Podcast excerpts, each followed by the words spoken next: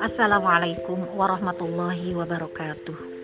Alhamdulillahirrabbilalamin Allahumma salli ala Muhammad wa ala ali Muhammad. Allahumma salli ala Muhammad wa ala ali Muhammad. Ya Allah sampaikan salam kami untuk kekasihmu. Nabi Muhammad Sallallahu Alaihi Wasallam beliau yang menjadi jalan kebenaran jalan mengerti uh, jalan hidup untuk bisa bertemu dengan engkau yaitu Nabi Muhammad Sallallahu Alaihi Wasallam. Beliau adalah seorang pemimpin keluarga yang mampu mengajak, mampu mendakwahi uh, keluarga terdekatnya, istri-istrinya, bagaimana supaya mengenal Allah lebih dekat dengan Allah Subhanahu Wa Taala juga putra putrinya bagaimana Rasulullah SAW bisa mengajarkan dan memberikan contoh bagaimana supaya putra putrinya tidak silau dengan kenikmatan dunia ini dunia yang dititipkan kepada anak-anaknya menjadi jalan untuk uh, bekal pulang kepada Allah Subhanahu wa taala. Para donatur, khususnya para donatur yang bersinergi dengan uh, DAPA Tasdikul Quran. Terima kasih, terima kasih. Teteh tidak pernah bosan untuk mengucapkan jazakumullah khairan katsiran. Semoga Allah menambah kebaikan para donatur dengan kebaikan yang lebih baik dari Allah Subhanahu wa taala, baik di dunia maupun nanti di akhirat. Juga para jemaah majelis taklim Darul Mutmainah yang istiqomah hadir setiap Kamis atau siapa pun yang menyimak tausiah ini uh, mari kita mentafakuri khususnya untuk para ibu. Di saat sekarang suasana Idul Adha masih terasa bagaimana ada sosok seorang ibu yang luar biasa ya baik itu Sarah maupun Siti Hajar. Bagaimana Siti Sarah mm, mengorbankan perasaan sebagai seorang wanita mempersilahkan uh, suaminya untuk mencari uh, yang lain untuk uh, menikahi Siti Hajar semata-mata karena mengharapkan ridho Allah Subhanahu wa taala. Tentu bagi seorang wanita itu akan sangat berat. Tapi karena Siti Sarah memiliki iman yang kuat dan pada saat itu belum memiliki keturunan sehingga mempersilahkan Nabi Ibrahim alaihissalam untuk menikahi seorang Siti Hajar dengan harapan risalah yang Allah berikan kepada suaminya tersampaikan nanti. Ada yang meneruskan menyampaikan uh, kebenaran menyampaikan risalah kepada umat pada saat itu. Masya Allah ini pelajaran bagi kita semua para muslimah. Karena ini yang menyimak tausiah ini tentu banyaknya para muslimah para ibu yang dititipi oleh Allah putra putri kalau kita ingin punya anak yang betul-betul seperti yang Allah karuniakan keimanan kepada uh, Ismail tentu tidak langsung sekaligus jadi.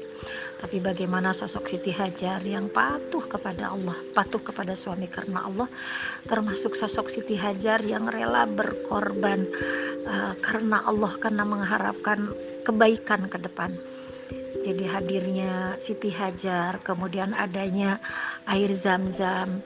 Tentu itu syariatnya ada sosok seorang Siti Hajar dan di belakangnya ada yang jarang disebut-sebut yaitu sosok Siti Sarah istri Nabi Ibrahim alaihissalam sebelumnya. Ini pertanyaan bagi kita semua para muslimah. Kalau kita ingin menjadi orang-orang yang mulia di hadapan Allah nanti di akhirat tentu jangan jangan berat kita untuk mengorbankan sesuatu yang kita cintai karena Allah Subhanahu wa taala. Ya, berkorban itu bisa dengan bentuk apa saja, bisa dengan pemikiran. Misal kita di rumah ada seorang khodimat yang sedang sakit, yang sedang sakit, yang butuh bantuan kita. Kalau kita mampu bisa membantu dengan harta lillahi ta'ala, maka bantulah dengan harta kalau ada khodimat yang di rumahnya orang tuanya ternyata ibunya sedang sakit parah harus uh, membayar biaya rumah sakit kalau kita mampu maka bayarlah oleh kita. Itu pun bagian dari pengorbanan kita. Atau mungkin para ibu nih yang yang yang sudah uh, sekian lama mendidik anak-anaknya. Ternyata sampai usia besar anak-anaknya pun masih belum bisa uh, belum belum diberikan kesolehan oleh Allah. Tapi tetap seorang ibu tetap dia uh, ber, uh, apa namanya bersabar untuk menunggu hidayah Allah sampai kepada anak ini.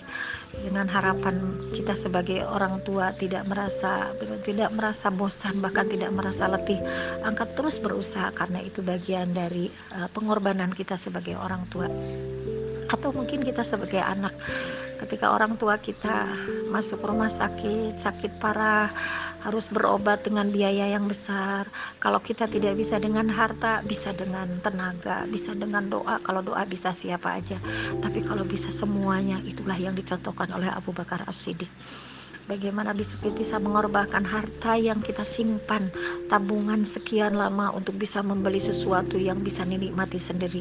Tapi ketika melihat orang tua kita yang sakit kita nggak berat. Kita korbankan harta kita yang kita cintai yang kita tabungkan sekian lama untuk membahagiakan orang tua tentu keba kebaikan kita tidak sebanding dengan pengorbanan orang tua.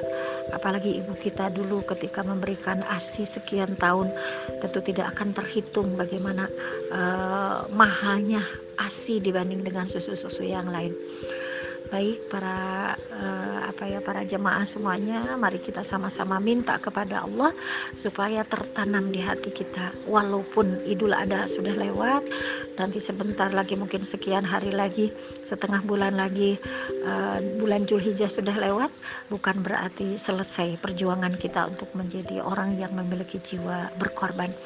Karena jiwa berkorban ini harus terus kita tanamkan di dalam hati kita sampai akhir hayat kita semua.